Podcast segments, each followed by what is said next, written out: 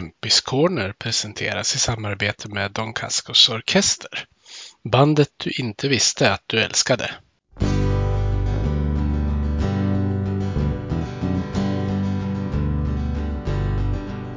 Vi hejar på Modo, rödvit och grön. Klubben i hjärtat, en känsla står skön. Övik, ja, Övik, ja, där trivs vi bäst. Med matcher i lyan, ja, då är det fest. För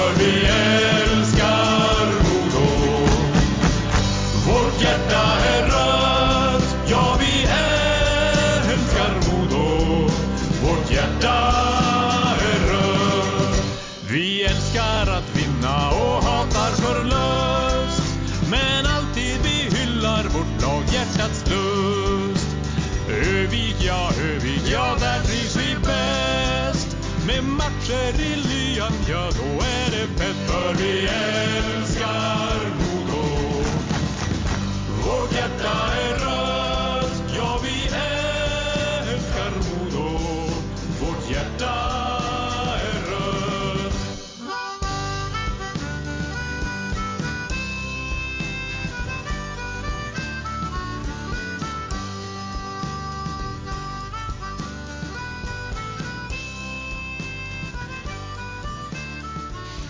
men hej och välkommen ska ni vara till Kempis Corner. Det här är det tredje avsnittet och där har vi ingen mindre än Modos sportchef Fredrik Glader som gäst. Välkommen Fredrik!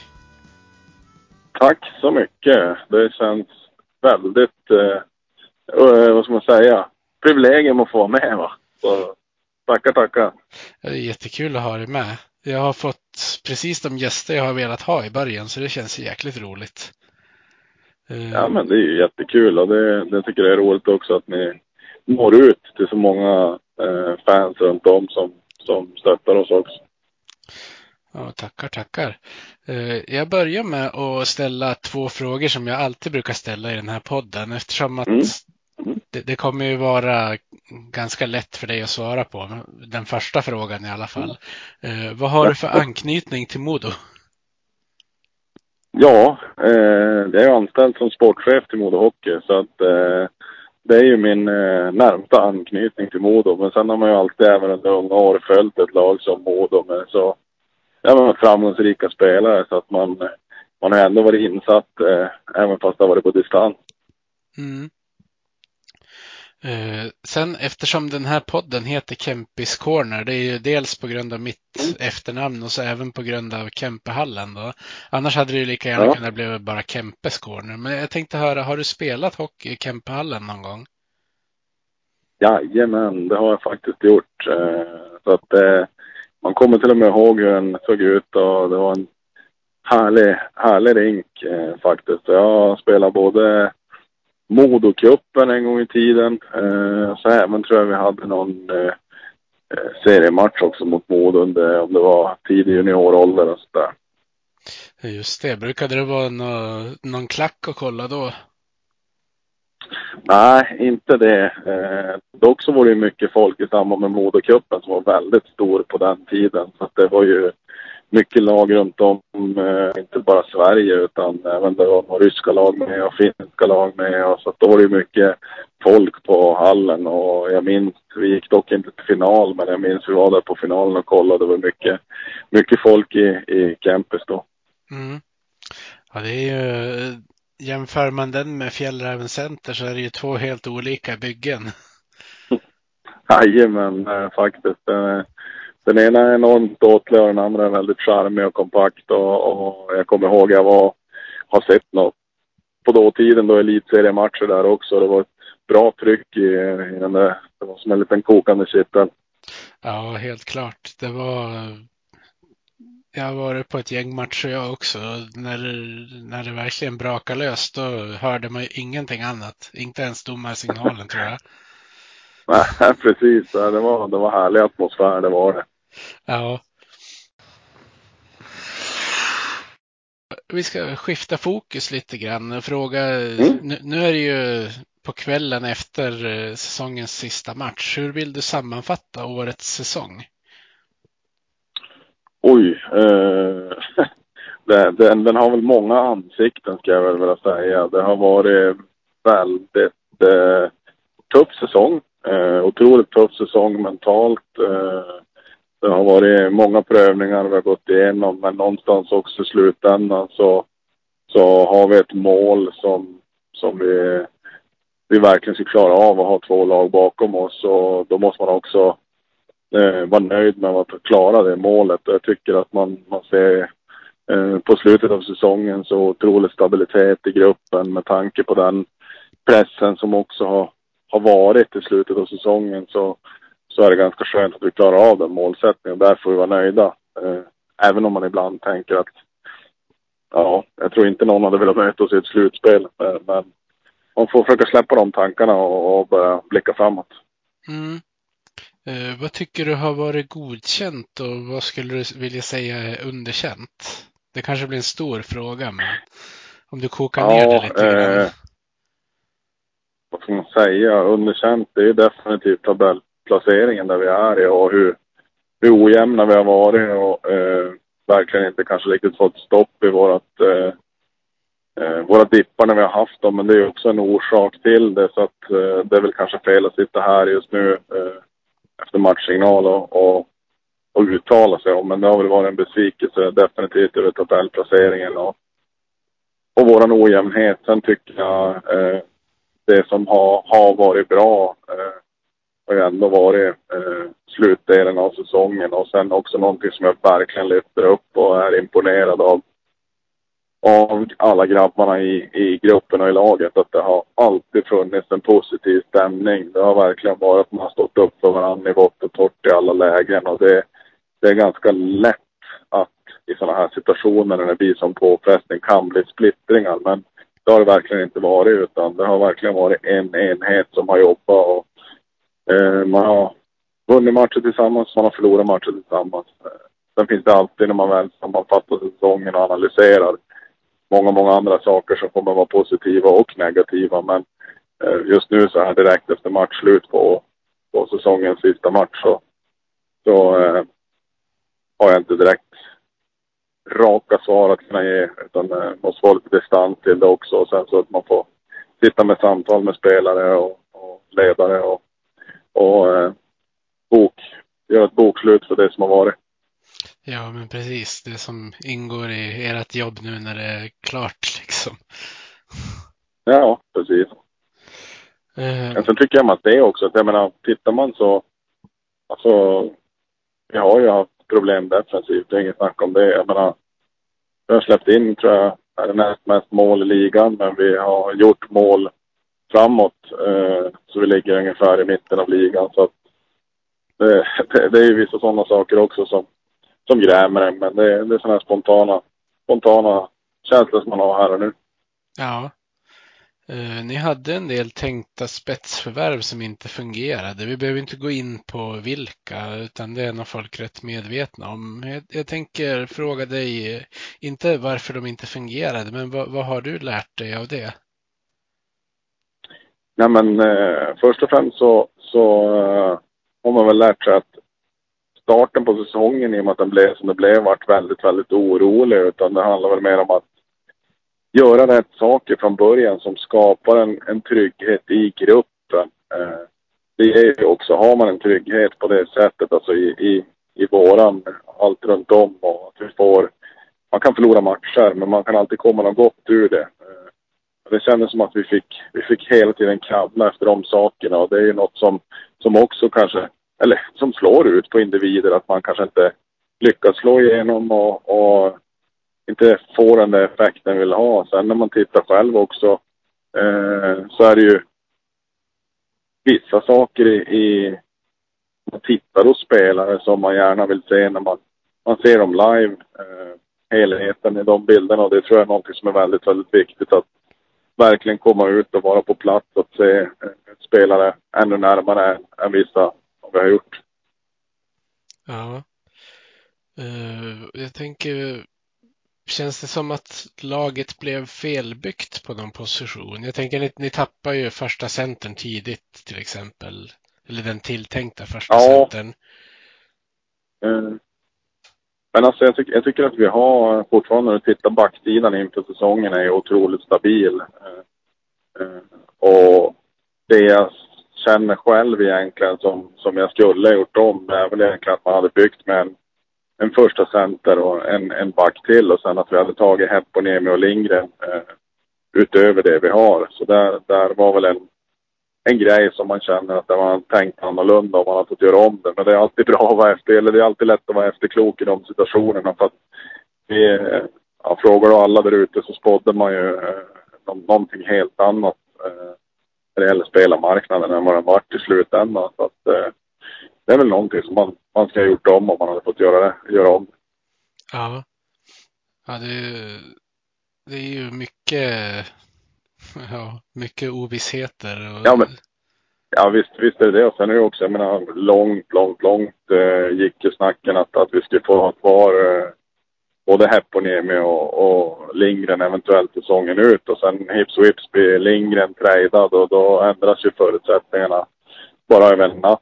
Eh, och jag tror eh, Heponiemi också vi hade inte fått någon föraning eller hint om någonting utan jag fick ett samtal tror jag det var var det sent fredag kväll eller om det var lördagen eller något sånt där. Jag tror det var sent fredag kväll och då var han tvungen att lämna söndag. Så vi fick två dagar på oss egentligen och, eh, och, och eh, få beskedet och att han lämnade också. Så det gick ju väldigt, väldigt fort och hastigt de här. Utan det var inte ens någon vecka innan att eh, nu hintas det om att han eventuellt ska till camp eller så. Utan det var egentligen från en dag till en annan som, som förutsättningarna ändras. Så det är något man också har lärt sig av. Att att ta med sig in i, in i framtiden om det skulle uppstå någon liknande situation.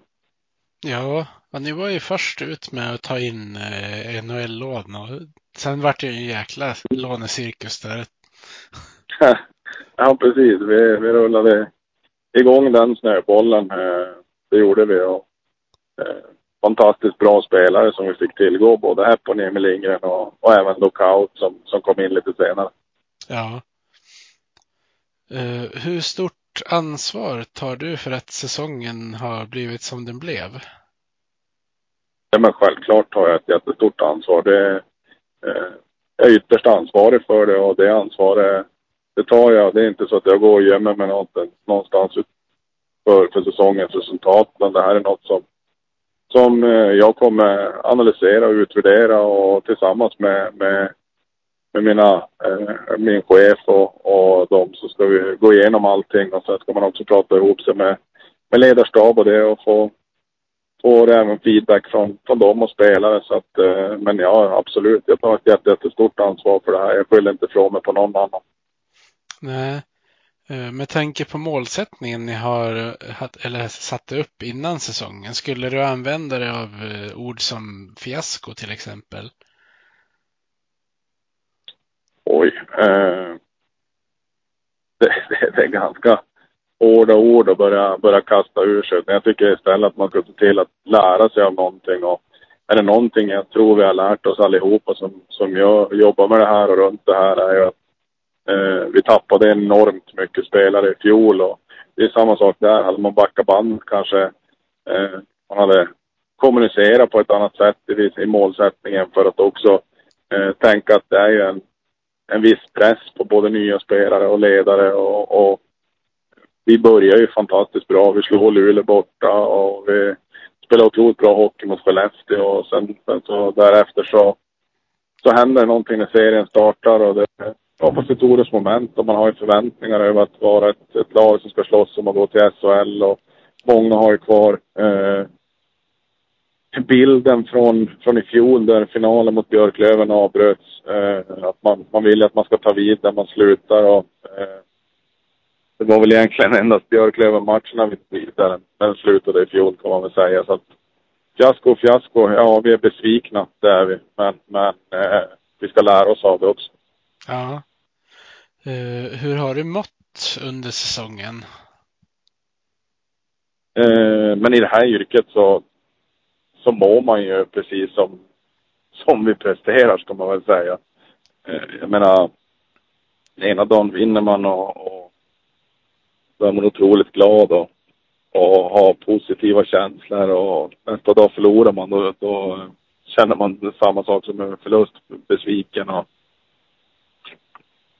och vissa gånger kan man förlora matcher och ändå känna viss hopp och det har vi väl också gjort kan man väl säga.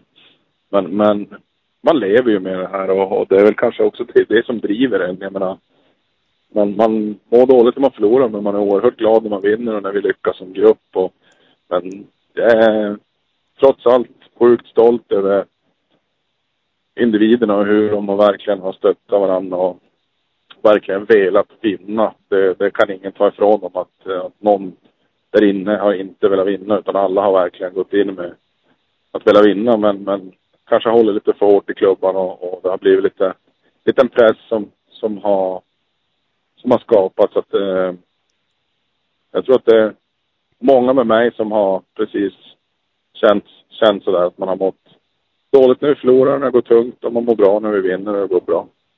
Mm.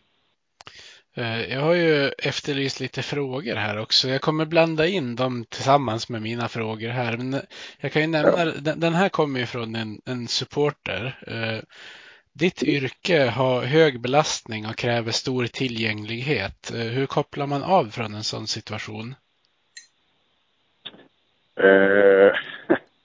just en sån här säsong som har varit är oerhört svårt att koppla av. Eh, jag har fått några, några små ljuspunkter, typ säg runt jul då jag åkte upp med familjen till fjällen och var med mina barn och, och sambo. då fick man verkligen andningsrum. Eh, det är sådana som är oerhört viktiga och, och försöka skjuta in i schemat så att säga. Eh, så det, det är väl min familj som, som, som ger mig den energin. Så att det är där man försöker hitta dem. Men frågar du sambon så är man kanske inte alltid så, så tillgänglig och, och, och att man bär nog med sig rätt mycket hem också. Så att, eh, vi har nog olika syn på det men, men eh, vi försöker ändå på något sätt hitta det. Och jag, jag, jag får min energi och min familj och, och mina vänner och det runt om som man får försöka skjuta in i, i schemat. Ja, men jag kan tänka mig att eh, det blir enorma slitningar mellan hopp och förtvivlan när det, det går liksom inte att hitta en positiv trend under den här säsongen. Nej, men precis. Utan, ja, men det är egentligen, man kan bara som säga att ja, men ta nu de här sista fem matcherna där vi har fyra segrar i rad. Jag menar, det ger ju en, en arbetsro och en trygghet och man känner själv att man kan komma hem efter matcherna och ta de de timmarna efter matcherna och ägna åt familjen och så. Men att man kanske annars kommer hem och analyserar det som har varit och man, man kollar på, på matchen igen och man kollar på byten och man kollar på situationer och så att det, det, det är en jäkla skillnad man väl hittar det där flytet och goet och arbetsron. Då, då blir det lite, lite lättare och man, man hittar också andra punkter att bryta in just det här med energi och fylla på med det. Ja, eh, för rätta mig om jag har fel, men jag tror att det, det, blev väl ingen, ingen svit på två raka trepoängare under säsongen, förutom nu på slutet. Det var väl kamp om varenda ja. poäng. Ja, men så var det. Eh, det var verkligen det och vi försökte hitta, hitta det där och kugga i och få med oss och sen, sen ingenting att skylla ifrån, men jag menar vi hade ett, tycker jag, en härlig eh, go och bra matcher efter eh, första tränarbytet som vi hade ända fram till coronauppehåll egentligen. Vi hade väl en dipp där, hästen borta egentligen, som, som var där vi sjönk igenom. Men i övrigt var det, tycker jag, bra prestationer eh, som, som hade kunnat leda till, till två, två poängare eller fler tre poängare i rad. Ja. Eh, när, när det blir en sån här säsong, eh, är du rädd för att få sparken? Nej, nej, eh, absolut inte. Då ska jag inte ha tagit mig an ett sånt här jobb. Jag vet vad det innebär och eh, det, det, är något som, som man får eh, leva med när man väl väljer att jobba med det här. Utan idrott är så fantastiskt kul och framförallt som är något som man älskar otroligt mycket och det är resultatbaserat och det, det, är ingenting som jag går och tänker på, absolut inte. Utan min, min tanke, mitt fokus är att, att göra Modo bättre och vi, vi ska verkligen eh, se långsiktigt och och ta oss tillbaka till, till SHL. Det är mitt eh, huvudfokus. Så att då, då kan man inte gå och tänka på, på att få sparken. Då ska man inte få det att fungera. Nej, det är sund syn på saker och ting tycker jag. Eh, jag tänker skifta till en helt, ett helt annat fokus nu. Eh, kan, Mm. kan du förstå att fansen har varit arga och besvikna över resultaten? Självklart. Eh, De skulle bara få komma in och se hur, hur arga och besvikna vi har varit i omklädningsrummet, alltså spelare och ledare. Och, eh, så jag har full förståelse över att det har varit känslor samtidigt som jag också tycker att eh, det är bra för det, det, är en, det är en klubb som engagerar, det är många som stöttar, det, det är många som vill Modo väl. Likväl som alla spelare och ledare som jobbar varje dag i klubben. Och, ibland så skulle man väl önska, man skulle bara få önska få få visa hur att, att spelarna är lika förbannade och frustrerade, om, om inte till och med mer, skulle jag vilja säga. Så att det, det är fullt förståeligt. Det är, det är en sport som innehar känslor, eh, både på isen och utanför isen. Det gäller bara att man är, man är, eh, att det inte rinner över, över, över bord så att säga, så att man går, går till, tycker jag, personangrepp och, och tänker att det finns alltid människor bakom det och oavsett om det är spelare eller ledare eller supportrar eller vem det än är så, så finns det alltid människor bakom och det finns ingen som, som, som inte vill vinna eller inte vill eh, Modos bästa. Och det, det ska man ha som utgångspunkt. Ja, precis. Jag tänkte min nästa fråga, det är hur ofta blir du intaggad till exempel på Twitter? Jag har ju sett att vissa supportrar gör liksom missnöjesinlägg var och varannan dag känns det som. Ja, absolut. Eh, det, det händer och ja, det, det är ju oftast någon som, som gömmer sig bakom synonymer eller, eller så. Det finns vissa som, som, som också är eh, har, har riktiga namn och så, men, men det är också saker som jag, jag menar, jag kan inte sitta och svara alla som skriver eh, till mig på det sättet, utan Däremot har jag mött otroligt mycket respektfulla människor som har pratat både ris och ros vid, vid sidan av när vi har mött och på ett respektfullt sätt. Och det, det, det bemöter jag, det har jag inga problem med. Utan, eh, däremot så känns det som att, att, att eh, bemöta saker på, på Twitter eller på Facebook eller något sånt där, det, det tror inte jag är, är rätt forum att, att diskutera över saker och ting Nej, på det sättet. nej och sen är det ju, det är ju väldigt lätt att folk går över gränsen. eh, Men var tycker du gränsen för acceptabelt beteende går?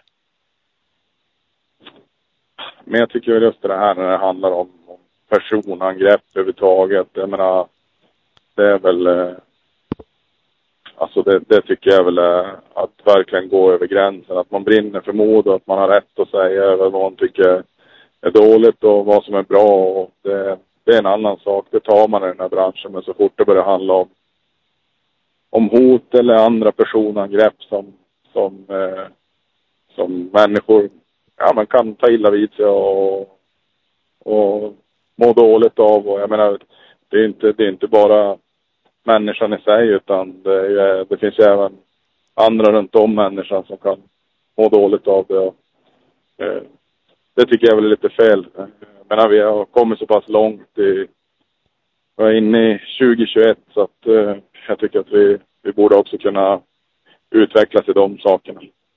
Ja, eh, jag har haft eh, Daniel Servander och Björn Edlund som gäster tidigare. Vi har i, i båda de poddarna har vi pratat om det här med att det finns liksom inga gråzoner på sociala medier längre heller, utan det är ju typ Nej. svart eller vitt. Nej. Ja, ja men så är det ju. Det, jag tycker bara att en, en sund tanke att innan man trycker på enter och skickar iväg ett inlägg så, så tänk, tänk sig för egentligen vad, vad det betyder för den du, du, du skickar meddelandet till. Jag menar inte att, att, att det, handlar, det handlar inte bara om mig nu bara för att jag sitter här och pratar. Det är inte absolut inte det utan det handlar om alla människor som, som, som håller på med idrott eller andra arbeten eller ja, framförallt de här, nu när vi pratar om ishockey och Modo Hockey, spelarna som är i, i truppen eller an, andra i organisationen. Så att det, det är ju... Man tänker till en gång till om det kommer hjälpa Modo eller inte. Det, det är väl det man kan skicka med som, som hälsning, höll jag på att säga. Ja, visst. Jag tänker också på det här hotet som riktades mot dig. Det var ju, det var ju en, mm. hockey, en hockeyagent som blåste upp det ordentligt på Twitter till exempel. Mm. Mm.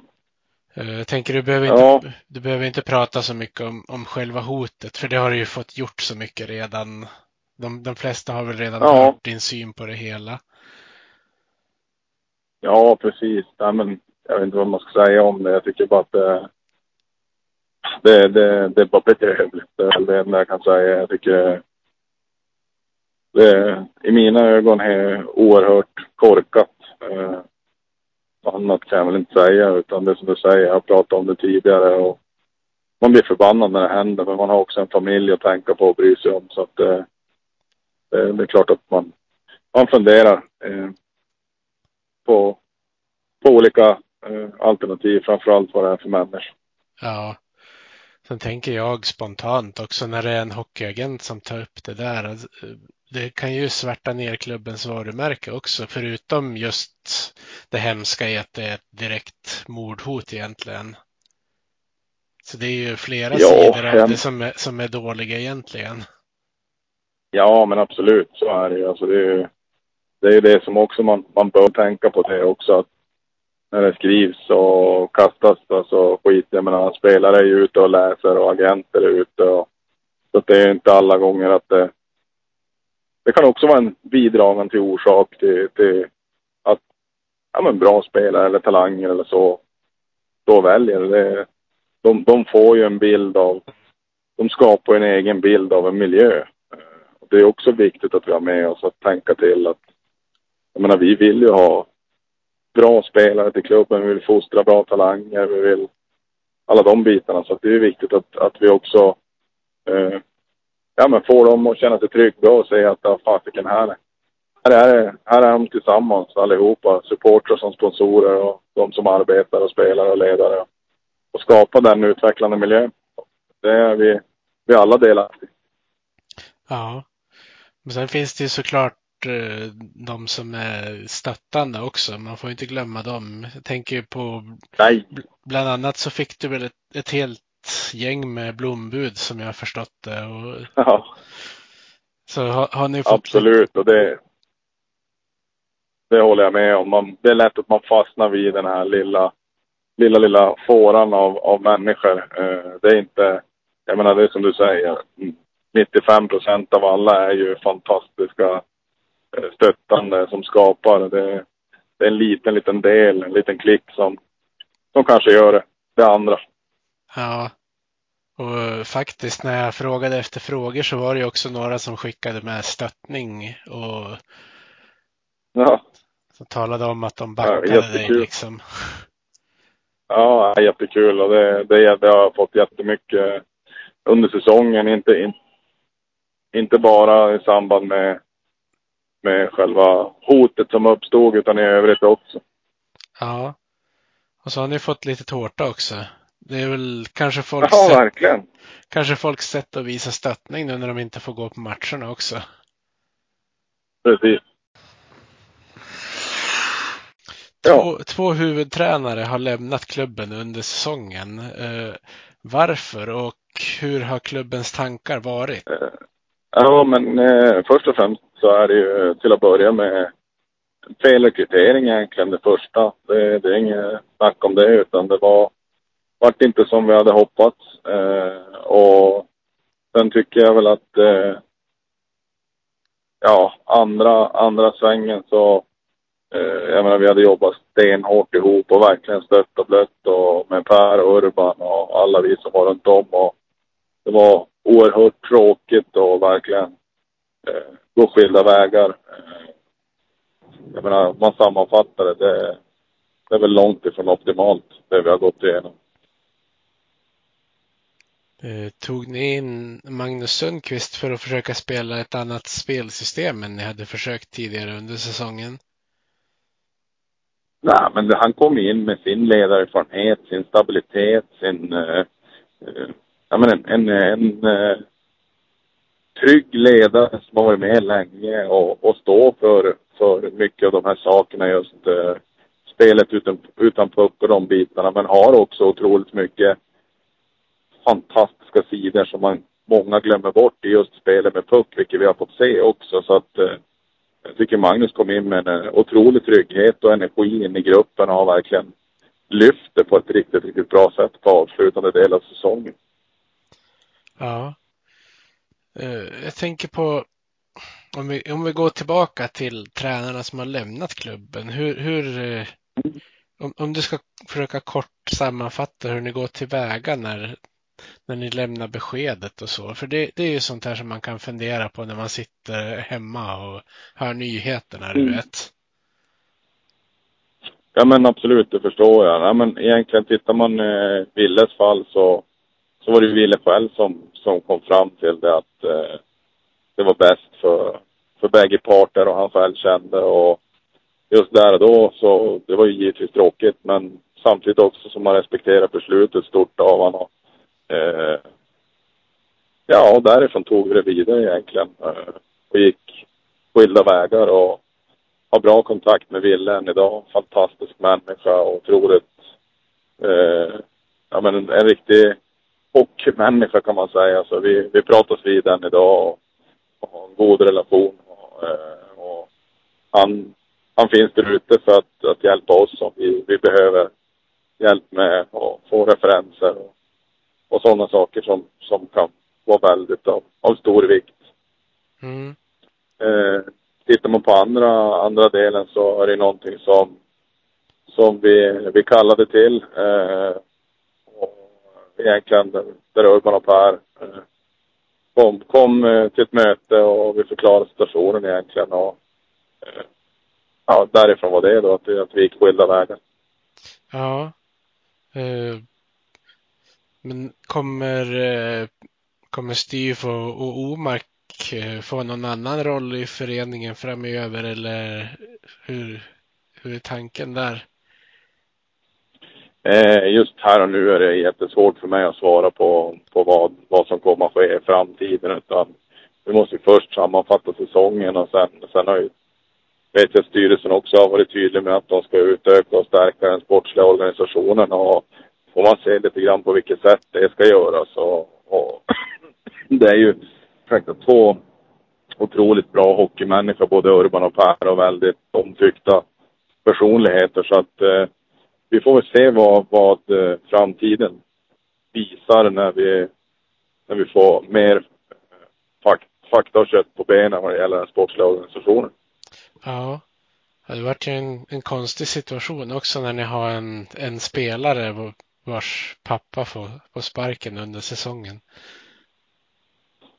Ja, men samtidigt ska man också veta, jag tror, jag tror många glömmer bort det. Är oerhört eh, imponerad av både Per och, Per och Hugo. Jag menar, under, under säsongen så, så märker man inte av att det är far och son på något sätt och det är ingen som Per har inte på något sätt för, fördela han eh, överhuvudtaget utan man märker inte det och, och likväl också. Det är klart att det, det är far och son men, men, men samtidigt väldigt professionella människor båda två.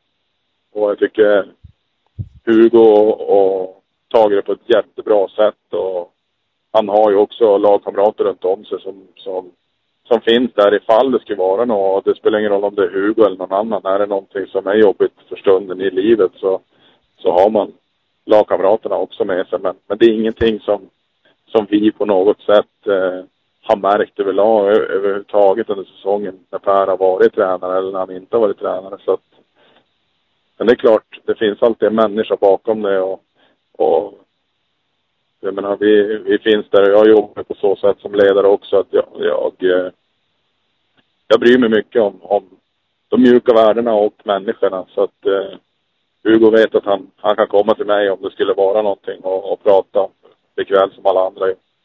Mm. Eh, jag tänker vi, vi hoppar snart över till eh, det här med att rekrytera tränare till nästa säsong. Men jag tänker jag jag ska ta några andra frågor innan först. Ja. Jajamän. Eh, kommer ni jobba med att få in fler juniorer i A-laget? Nu är det ju en del som har testat på spel redan i år vet jag. Mm. Eh, jag tycker vi har haft, under den tiden jag har varit här i klubben så har vi haft otroligt mycket juniorer som har varit upp och, och spelat och gjort det otroligt bra. I år kanske vi till och med har spela lite för många på, på en och samma gång. Eh, man ville kunna eh, Alltså med tanke på det läget vi har haft också med resultaten och på vår tabellplacering så har det varit väldigt tufft också att lägga den, det ansvaret på, på alla deras axlar. Men jag tycker att jag menar, vi har haft eh, Hugo har gjort det otroligt bra. Wallinder har gjort det bra och det är också en sak som, som det blir ju en framtidsinvestering för, för de här grabbarna. Strömgren har varit uppe och gjort det bra. Theo Jakobsson, Oskar Nordin, Jeremias Lindevall. Eh, så det, det är många som har varit upp. Och jag tror att skulle ni ställa det mot övriga elitföreningar runt om i Sverige så vet jag inte om det är någon som har, har spelat så många juniorer eh, som vi har gjort i år. Jag låter dock det vara osagt. Jag har inte det exakt fakta på, papp, på pappret så, men, men jag tror att vi, är, vi ligger väldigt mycket i framkant på, på elithockeysidan vad gäller juniorerna. Ja. Uh, finns det Finns det en möjlighet att de juniorer som har fått testa på spel i år har fått för stora roller till och med med tanke på hur laget och övriga spelare har presterat?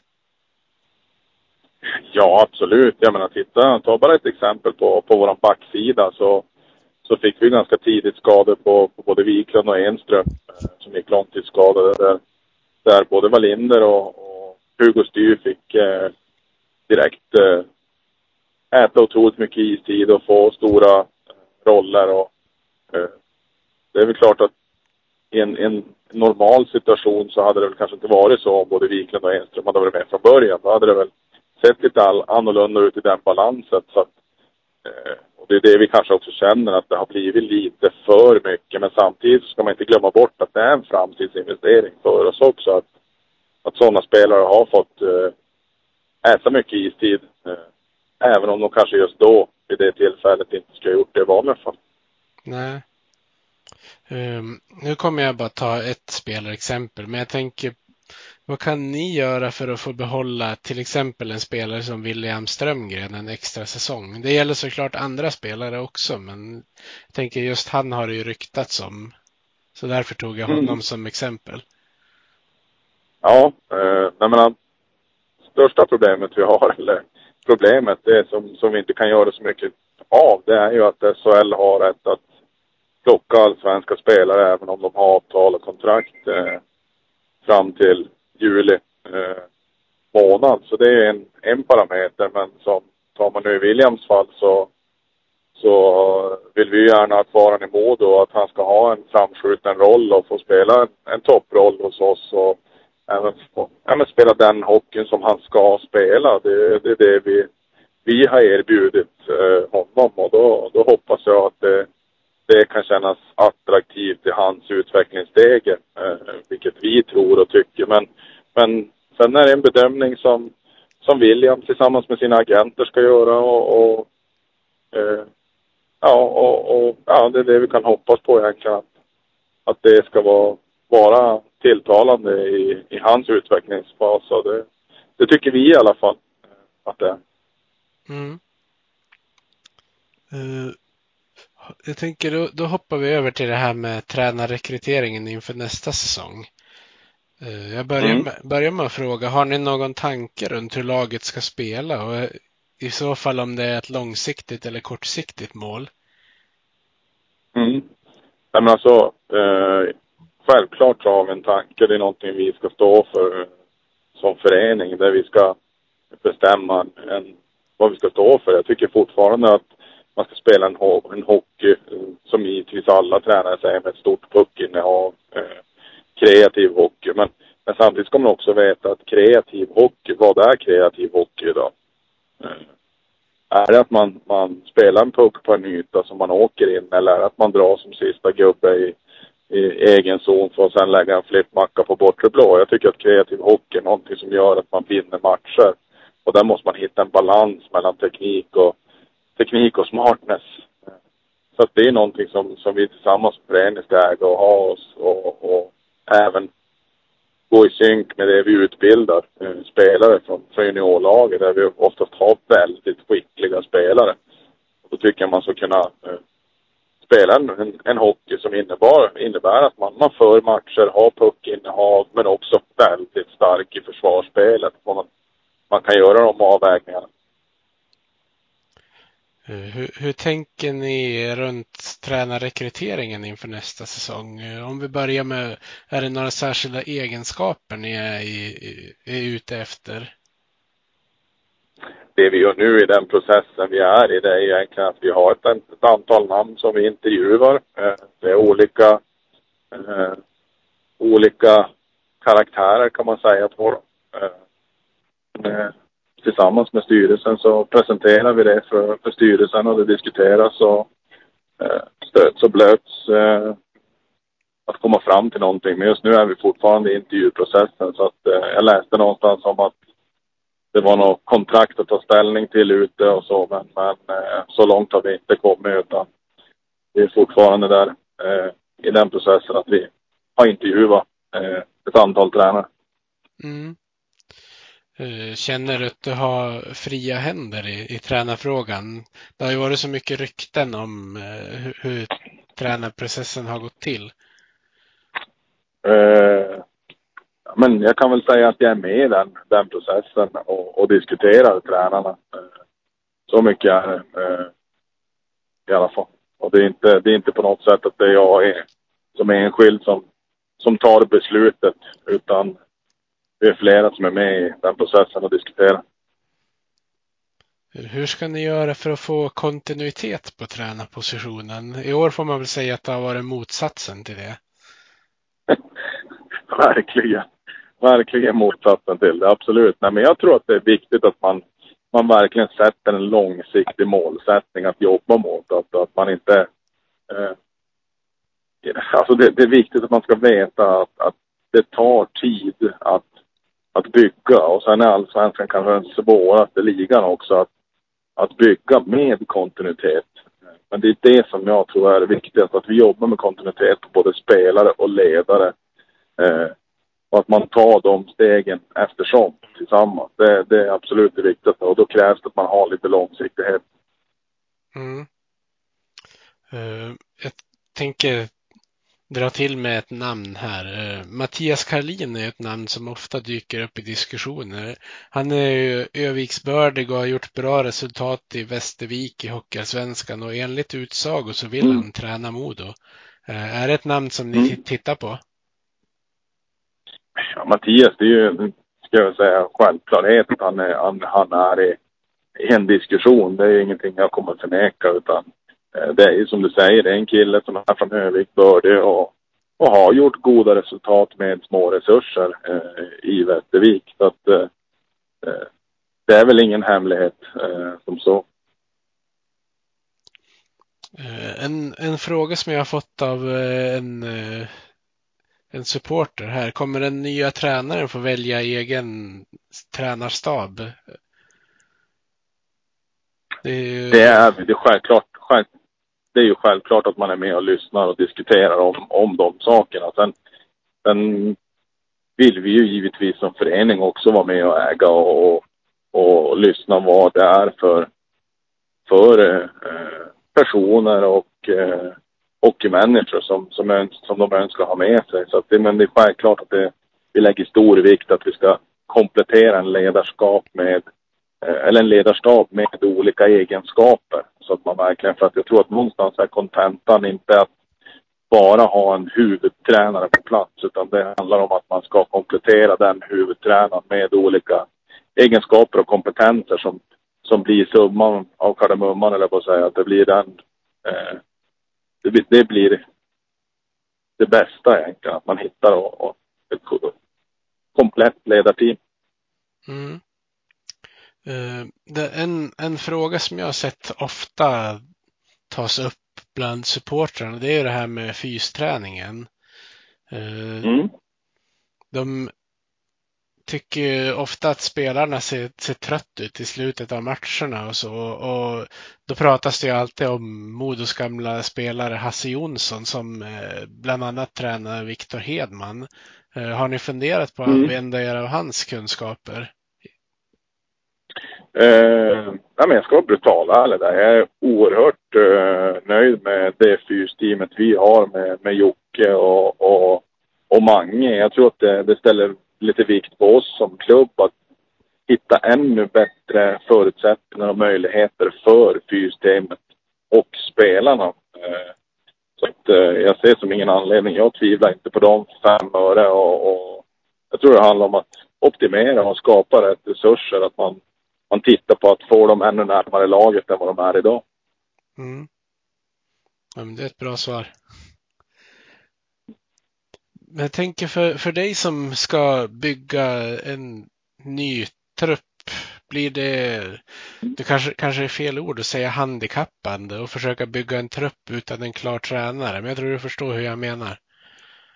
Ja, men du, du är inne på rätt spår. Så är det lite grann. Och det är det man vill göra. Jag menar, vi vill ju dra lite nytta av den här skitsäsongen och vara ute i, framkant och att börja kunna bygga den truppen. Och där, där vill man ju sätta igång så fort som möjligt. Men samtidigt så måste man också vänta på att det ska bli en tränare klar. För jag gör inte en rekrytering utan att man diskuterar det med tränarstaben och, och stöttar och blöter. Och, eh, det är viktigt att man, har, att man har med hela ledarstaben på det. För annars blir det en helt orättvis om jag tar hit en spelare som inte de tycker är bra. Det blir inte bra för varken eh, oss som förening eh, eller individen, spelaren i det fallet. Så det är klart att man, man vill ha en tränare på plats innan man kan börja, börja bygga eh, en hel trupp.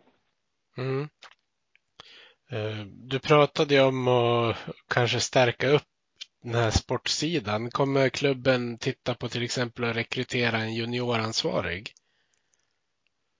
Eh, oj, det, det, är lite, det är lite fel av mig att gå ut och, och säga exakt vad klubben kommer göra. Utan där har de också tagit in lite input. Så sen får vi se vad, vad de kommer fram till. Det, det, är en- det, det är någonting som de diskuterar lite grann också i styrelsen. Och Johan som VD har tagit in eh, vad, vad vi tycker till exempel på junior och, och herr och på damsidan. Så att eh, får vi se vad vi kommer fram till när den utvärderingen är gjord. Har eh, ansvaret för juniorsidan legat på ditt bord annars? Eh, ja, jag är ju totalansvarig för, för herr och junior och, och damsida också. Så att eh, det ligger eh, under mig alltihop. Sen har jag fantastiska medarbetare i de juniortränarna vi har som gör ett otroligt jobb för Modo. Och där har vi också gjort en nystart eh, inför den här säsongen. Eh, när vi eh, startade upp med, med Sebbe och Emil som jobbar oerhört hårt med, med beteenden och attityder och professionalism. Eh, att bygga in det och, och verkligen ja, men utbilda, fortsätta utbilda lika bra hockeyspelare som Modo har gjort. Men också att vi tar ett ansvar och, och utbilda människor och, och de bitarna. Så att det, det tror jag också är oerhört viktigt. Eh, Sen har jag Björn Edlund eh, som varit på damerna som är fantastiskt hockeykunnig, eh, otroligt driven eh, och en enorm kompetens gällande damhockey som, som drar ett stort lass och, och gör det otroligt bra.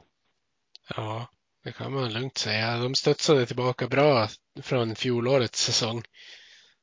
Ja, verkligen. Det var riktigt, riktigt kul att se och jag tycker det var otroligt trist för dem att de inte kunde få, få vinna den där matchen hemma mot HV i backen. Det var de värd, men, men samtidigt så det gäller att nypa dit och ta chansen när man får det och inte eh, ja, men, dra lärdom av de matcherna också och växa som lag. Ja, visst. Um, jag tänker här, eh, beskriv eh, hur ni går tillväga för att hitta ett, ett hål i laguppställningen att fylla. Ehm, och hur går ni tillväga när ni analyserar en lämplig kandidat och, och sen även försöka knyta till er spelaren? Men vi har ju, vi har egentligen en, en, en mall som vi har skapat där vi gör bedömningar på spelarna i olika hänseenden. Det kan vara teknik, karaktär, skott, skridskoåkning, eh, personlighet, eh, lite eh, olika mätpunkter kan man säga. Sen också så diskuterar vi mycket inom ledarstaben vad det kan vara för spelartyp som vi, vi vill eh, få in. Sen är det min uppgift att titta vad som finns tillgängligt på marknaden och sen också i vissa fall titta vad som, som finns möjligt att kunna få lös ute på marknaden. Och, och göra en bedömning utefter den mallen. Och och sen eh, handlar det om att plocka in lite referenser. Eh, det kan vara att man känner någon som har varit coach för spelaren och kan vara lagkamrat till spelaren. Och även eh, scouter som finns runt om, eh, Modo Hockey. Eh, så det är ganska många informationspunkter vi får in information ifrån. Och, eh, som vi ska göra en bedömning då utöver det. Och sen tar man kontakt med, med agenten och, och, pratar eller klubben om det är något man kan få löst. Och, och, och tar en diskussion därifrån. Sen tycker jag också att det är viktigt att man att man får prata med spelaren själv också för att försöka få en bild av, av han och, och lite förväntningar vad som vi kan förvänta av han och han kan förvänta sig av oss och hur det fungerar. Ja. Eh, har ni någon modell att utgå ifrån för att bygga ihop ett framgångsrikt lag? Jag tänker när ni funderar vilken typ av spelare och karaktärer ni vill rekrytera till gruppen. Ja, eh, jag och Magnus har faktiskt suttit och, och kollat på, på en sån eh, lösning. Eh, när man tittar och gör en bedömning utifrån det laget man har. Ett poängsystem som, som vi, vi bedömer och ett poängsystem som kan visa om vi kommer kunna vara ett topplag utifrån de spelarna och inte exakt man tittar på det sättet. Sen så är det ju fortfarande de här scoutingmallarna vi, vi följer det. Man, man kan göra en bedömning utifrån att de är en allsvensk spelare, SHL-spelare eller framtida SHL-spelare, framtida NHL-spelare. Så att det finns olika eh, hjälpmedel och verktyg som vi använder oss av. Ja, eh, hur mycket använder ni, av, eh, ni er av eh, sådana här statistikverktyg, både under säsongen och när ni tittar på tilltänkta nyförvärv? Det använder vi oss av. Vi har, vi har ett eh, bra system idag som vi, som vi har använt oss av. Eh, vi tittar på statistik eh, som ger oss lite bild och man kan se olika situationer också från matcher och som, som spelaren har spelat där man kan titta beroende på spelartyp man vill ha. Eh, men det tar jag bara enkelt så att alla förstår att när man kollar man poäng, poängspelare så kan man titta också. För det kan ju vara att man Många av de här spelarna kan ha andra assister till exempel. Om man kollar ut efter hur många första assister hur de har kommit till. Lite sådana bitar. Är det en, är det en fysisk spelare man vill ut efter då kan man gå in och rent egentligen titta på, på tacklingar och olika ingångar i anfallszonerna, hur de tar sig fram. Så det finns olika bedömningsnivåer man kan göra beroende på, på spelare som man, som man letar. Ja, jag har ju själv lagt märke till att Mikkel Ågård är ju riktigt bra på att ta in pucken i zon på högersidan. Det skapas nästan alltid en farlighet. Och... Ja, det har du rätt i. Eh, den det är en kille som också är väldigt bestämd när han kommer in i anfallszon med pucken under kontroll. Han, han, eh, tittar man när han kommer närmare de heta ytorna, då är han väldigt aggressiv mot, mot mål eh, som nästan lite transatlantisk i det sättet att han verkligen vill. Han brinner så mycket för att göra mål och jag tycker typexempel är väl egentligen målet han gör hemma mot Tingsryd när han bryter in och, och lägger den mellan benen. Han har bestämt sig tidigt att, ja. att, att på, på kassen. Ja, det är väl inte en slump heller att han har gjort så många mål på lösa puckar framför mål. Nej, absolut inte. Det är en kille som gillar att vara där det händer och, han har gjort en fantastisk resa eh, hos oss, tycker jag. Ja. Eh, hur stor del av truppen vore bra att få behålla från år till år för att kunna ha en grund att bygga på? Jag förstår ju att det är en utopi att behålla alla man vill behålla när man ligger i Hockeyallsvenskan. Men eh, vi säger i den bästa av världar. Ja, men säg att man beroende på att dra, ta på en, en, plan, långsiktig plan. Säg att vi har en, exempelvis, nu drar jag till med att vi har en, en treårsplan till exempel, så vore det ju optimalt att vi kunde få behålla 12-13 stycken från i år och bygga vidare och kanske få in då en 7-8 nya kanske det blir. Och, sen år två så kanske man byter ut eh, fem eh, på sin höjd. Eh, fyra, fem och sen år tre kanske två, tre max. Eh, så att då får man ju man jobba med den kontinuiteten man vill. Då blir det mycket, mycket lättare. Men sen ska man ju veta att i den här världen kan det ju vara så att man sitter och pratar med spelare att vi ska verkligen jobba tillsammans och, och det, se fram emot det. Och sen kan ju de förutsättningarna förändras i och med att SHL då har möjlighet att, att plocka spelare fram till juli månad. Och, eh, då ska man ju också veta att vi, vi är ju där vi är i näringskedjan. Så att eh, det kan, kan gå fort och även om man inte vill tappa en spelare så, så kan man göra det. Och det är ju så det funkar. Ja, senast idag eh, kommer det ju rykten om att Patrik Karlqvist lämnar för SHL eh, som sitter på ett kontrakt för nästa säsong. Och det är väl kanske inte helt otippat att det dyker upp sådana rykten heller, men det, jag kan tänka mig när man har spelare klar för nästa säsong så då blir det lite, lite kämpigt. Mm.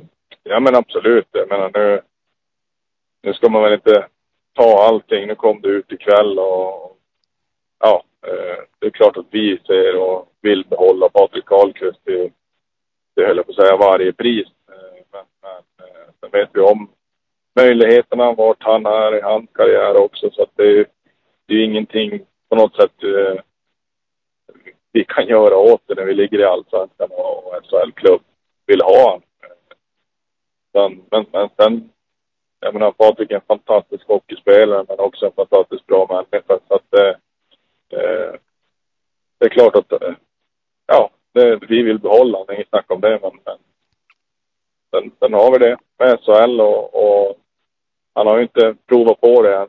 Så att det finns ju där bakom hörnet för honom. Ja. Men jag önskar ju att han, att han får prova på SHL med Modo. Det är min största önskan. Ja, precis. Det, det drömmer nog alla Modosupportrar om. Ja, absolut. Eh, du pratade ju om, om ert scoutingnätverk lite, lite smått så där. Vill du utveckla om ni har några anställda scouter till exempel?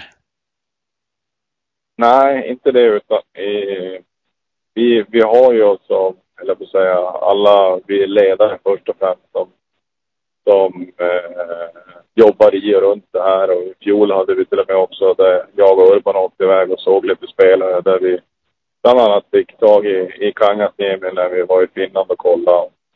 Eh, och bilda och se lite grann både vi spelare men också lite grann hur det skiljer sig i spelet. Sen har vi ju, eh, jag, vi, jag kan använda mig av eh, juniortränarna också som har en otrolig kompetens som, Men jag menar, Emil Solander med J20-match borta och, och spelar eh, Djurgården borta till exempel med J20 och jag vet att eh, AIK kanske spelar eh, samma dag. Så, så kan vi använda oss av varandra. Och det tror jag är viktigt att man gör, att man använder och inte sätter en, en prestige och en hierarki att eh, inte de ska kunna göra det. Utan det var bra att kunna få mycket olika inputs på, på spelarna eh, där även tränare och ASS-tränare och jag eh, gör en bedömning så man får alla olika ögon på det och jag kan också använda mig av exempelvis eh, Pierre Hedin som också eh, har varit med länge som hockeyspelare och vet vad, vad som krävs. Och sen har vi otroligt mycket eh, kontakter runt om eh, i form av scouter och eh, man har ett eget nätverk som man också använder sig av. Eh, hockeymänniskor runt om i, i hockeysverige och hockeyvärlden som man får väldigt bra input på, på spelare. Så att eh, vi har inget, eh, vi har ingen, eh, vi har inte fyra, fem scouter som jobbar åt, åt Modo Hockey utan eh, vi, vi, är ett team med ledare från juniorer och, och herrlag som, som hjälps åt i de bedömningarna och jobbar jobbar ja. på det viset. Sen har vi externa kontakter som hjälper oss också. Mm. Jag har ju sett nu vet inte jag, den har känts lite obefogad, men jag har sett, sett lite kritik om att det har varit mycket spelare som har kommit in från Luleå. Att, att ditt nätverk handlar om Luleå Hockey. Mm. Eh, ja, jag vet inte vilka. Är det någon som är kritisk till Harry eller? Nej, det, det, det, var... det faller väl sig också lite naturligt i och med att man vet att söker vi någon spelare på någon position så, så kan jag ju de som jag har jobbat med och det är likväl som, som eh, ja, men, ta andra ledare och tränare runt om i föreningen. Eh, till exempel Frölunda. Eh, där jobbar ju Roger Rönnberg med Kristoffer Näslund och Anders Burström till exempel som är Luleå anknytningar också. Så att det, det där är väl eh, lite grann beroende på vad man söker och vad man känner sig trygg med vissa. Och sen tycker jag väl att, jag menar, Harry har väl fyllt, tror jag, mång, mycket, mycket mer förväntan hos människor än vad, vad människor hade förväntat sig av honom. Men jag, jag känner honom så väl så jag vet att vad vi skulle få av honom när vi tog hit honom också. Ja. Sen, sen, å andra, sen å andra sidan så tycker jag väl att, eh, men tar vi eh, Brandon till exempel hade jättejobbigt i början och likväl som, som andra eh, i laget. Men här på slutet så har Brandon kanske varit en av våra stabilaste och viktigaste backar som, som verkligen kliver fram när det, när det som mest behövs också. Ja. Jag tror eh, det är, det är en sak jag måste fråga om. Det är ju det här um, mm. lånefrågan som blev när ni skulle låna in uh, William Vorge Krau och det mm. kommunicerades ut och sen blev det klart att ni inte kunde låna in honom. Kan du inte beskriva hur det gick till där? Ja, men lite grann. Vi, vi lånade ju in Albin Tyne Johansson när vi var iväg på resa. För att vi ville ha sju backar. Albin Tyne Johansson eh, tillhör Luleå J20 är inte SHL-spelare eh, och spelar i Boden större delen av säsongen. Så för mig är inte det ett SHL-lån. Och uh, utgick egentligen från det. Eh, och sen, sen då var det andra klubbar som, som vaknade på det och protesterade givetvis. Och då, ja, då får man backa i den frågan. Men jag tycker det också finns otroligt mycket gråzoner i det där. Hur, hur andra klubbar har, har utnyttjat det på ett annat sätt än vad vi, vi har gjort. Eh, utan vi backade på det, men, men, i mina ögon så fortfarande står jag för att jag tycker inte att han är en SHL-spelare och ska inte räknas som ett SHL-lån. Men, men som jag fick det beskrivet så spelar det ingen roll om vi hade lånat en J16-spelare från en SHL-klubb så hade han räknats som en som en SHL-spelare, vilket jag kan tycka är fel. Jag tycker att man, man kanske ska utgå ifrån att, eh, att man har ett SHL-kontrakt. För att, för att räknas som en SHL-spelare. Men som sagt, eh, så är det. Ja, det, ju, det sätter ju lite käppar i hjulen för vissa spelares utveckling också, men det är en helt annan fråga. Ja, precis det är det ju. Och sen samtidigt också när vi är i den coronasituationen vi är i. Så gör det det ännu värre. Men det är en, som du säger, en helt annan fråga. Ja. Eh, kommer ni behålla samtliga spelare vars kontrakt gäller över nästa säsong? Eh, det är våran eh, målsättning i alla fall. Sen ska vi också sätta en, som jag sa tidigare, en, en ledarstab som, som vi ska ha och jobba med och de ska också få tycka och tänka sitt. Så att, men, men som det ser ut idag så är det vår målsättning och sen får vi se mer när det kommer fram, kommer ledare på plats, eh, vilka som ska leda Modo Hockey eh, herrlag framöver. Så då, då får man ta en fördjupad diskussion om, om de spelarna som finns i truppen. Men huvudsakliga, eller huvudsakliga målsättningen är att jobba vidare med de avtal mm. Ehm, um, Du kanske var inne lite på den här frågan innan, men vad, vad har du lärt dig av föregående säsong? Eh, oerhört mycket, men eh, ja, jag vet inte, jag kanske skriva en roman om det på sätt och vis, men jag tror att någonstans har jag lärt mig otroligt mycket om mig själv. Alltså, hur, hur jag eh, ska, eller på att säga, fatta beslut eh, och göra saker. Eh, ta beslut framför allt och kanske även också eh, ja, men hantera situationer. Eh, men också lagbyggesmässigt, som jag sa tidigare, här med att man vi har gjort helt annorlunda tagning än första center. Byggt och tagit utöver det. Så att det finns, det finns många, många saker som man, som man tar med sig och lär sig av. Sen, sen tror jag också att, jag menar, eh, Övik, det andas hockey, eh, lever hockey. Eh, och, och det har ju varit en stökig säsong rent, jag vill säga, ja men med allt som har, varit med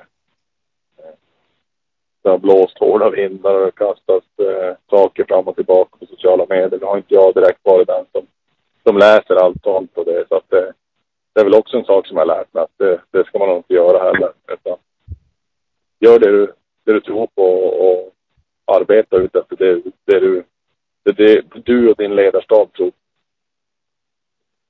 Eh, det är ju, nu har inte du varit ansvarig alla säsonger, men sen Modo åkte ner i Hockeyallsvenskan har man ju haft en av, om, om inte seriens största budget och ändå inte lyckats särskilt bra. Va, vad kan en, en sån sak bero på tror du?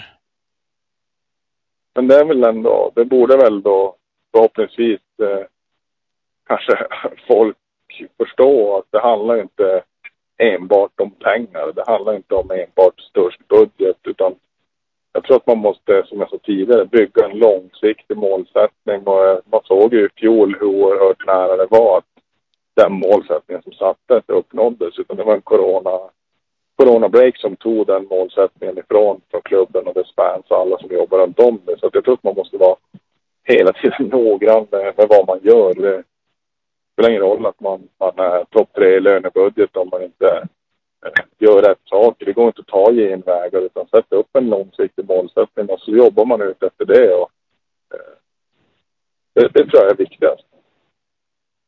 Ja. Eh, det kanske är svårt att svara på utan tränare på plats, men vad går klubben in med för målsättning till nästa säsong?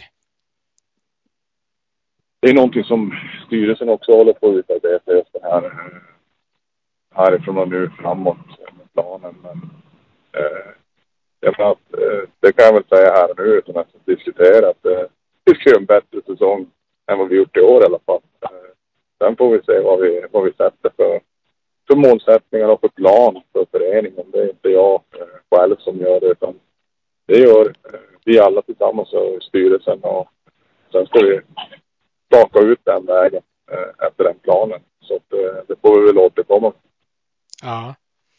Det kanske är svårt att svara på hur budgeten ser ut för nästa säsong också.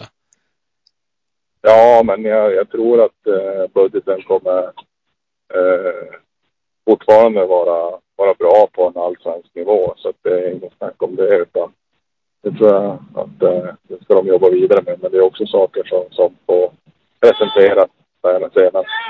Mm. Uh, finns det någon del i sportchefsjobbet du, känner, du kanske känner att du inte var helt förberedd på? Uh, tittar nu enbart på själva herrlaget så är det ju inte det. Uh, det är det inte, utan där är nog mer förberedd. Men uh, jag tror att just hela helheten att, att med ett ansvar över junior, dam och hela den biten. Det, det är ganska tufft. Så att det, det är något som, som, som jag tror man, man ska se över. Ja. Uh, när är ditt jobb som roligast? När vi vinner matcher. Då är det absolut roligast. Men det, nej, inte bara det också. Det, jag tycker det är roligt varje dag att komma ner på jobb. Jag tycker det är skitkul att komma in och se, träffa spelarna, ledarna, komma ner på hallen, se alla människor på kontoret som jobbar för både Hockey. Eh, ja, men att få komma ner på ishallen, eh, det tycker jag är glädjande oavsett vinst eller förlust. Men sen när man ser att någonting som också gläder mig så otroligt mycket, att man, man ser alla alltså inte bara människorna som jobbar runt sporten. Jag tycker det är fantastiskt att se vaktmästarna göra ett enormt jobb. Jag tycker det är fantastiskt kul att se eh, Jonas på biljett och Rickard som, som jobbar på marknad. Vilket otroligt jobb de gör och man ser att de gläds när, när vi vinner matcher. Då blir jag glad för deras skull också. Samma sak när man kommer upp till, till restaurangen och möter ett leende på läpparna av vår restaurangpersonal som är där uppe. Och det, det sånt, sånt, sånt glädjer mig, eh, de, de sakerna. För att när man får den bemötandet, att en vaktmästare är fantastiskt glad att träffa oss och hälsar och är glad. Det, då känner jag att då, då är vi på rätt väg som förening. Då, då gör vi verkligen saker som, som vi gör tillsammans. Och det kan glädja mig. Eh, och sen givetvis att vi vinner matcher i slutändan. Ja. Men då, då tänker jag att jag ska avsluta med några till supporterfrågor här. Mm, absolut. Eh, vilket skotermärke föredrar du? Oj, eh, jag är ju ingen sån här superskotermänniska. Jag, jag kör det som erbjuds men ska jag få välja ett namn så tycker jag att Guido, det tycker jag är ett ganska snyggt namn och tycker alltid de har haft snygga skotrar så att jag kör väl på det då. Jag säger Skido. Ja. Uh, har nyförvärven en klausul att de slipper möta dig i padel? Alla ska igenom den. Uh, det är ett måste tror jag. Nej, skämt åsido. Jag tror att det, det, vi, vi, vi, undviker det. Jag, jag, jag, spelar hellre nu just nu med Sunkan så att uh, det får bli någon gubbvad som ryker istället och han kan ställa sig, kunna stå i bås ändå. Ja, precis. Uh, Kommer ni att erbjuda Arne ett båskontrakt? Jag kan väl avslöja det här i direktsändning att Arne är vår nya headcoach. Nej, men eh, man ser, man ser det. Tyvärr så, så var inte Arne med ner till Karlskoga ikväll och, och då var det förlust. Så att jag tror att eh, vi ska signa fast Arne innan någon annan gör det. Så att eh, det, det får bli prio ett för mig. Ja, Ja, men då, det var alla frågor jag hade, så då får jag tacka dig så otroligt mycket för att du ja. ville vara med. Och jag, ja, både, jag både tror och hoppas att supportrarna kommer tycka det här är ett bra avsnitt. Ja, absolut. Jag är glad att ha fått vara med och, och eh, tacka alla Modo-fans där ute. Fantastiskt jobb och, och också skicka med att vi, vi kommer gå starkare ur det här och vi, vi ska verkligen nästa säsong. Med de orden så avrundar vi det här avsnittet. Säger tack till alla lyssnare också. Och så gör vi, vi stärker upp oss inför nästa säsong. Det gör vi. Absolut. Vi hejar på Modo, rödvit och grön. Klubben i hjärtat, en känsla så skön. Övik, ja, Övik, ja, där trivs vi bäst. Med matcher i lyan, ja då är det fest för vi älskar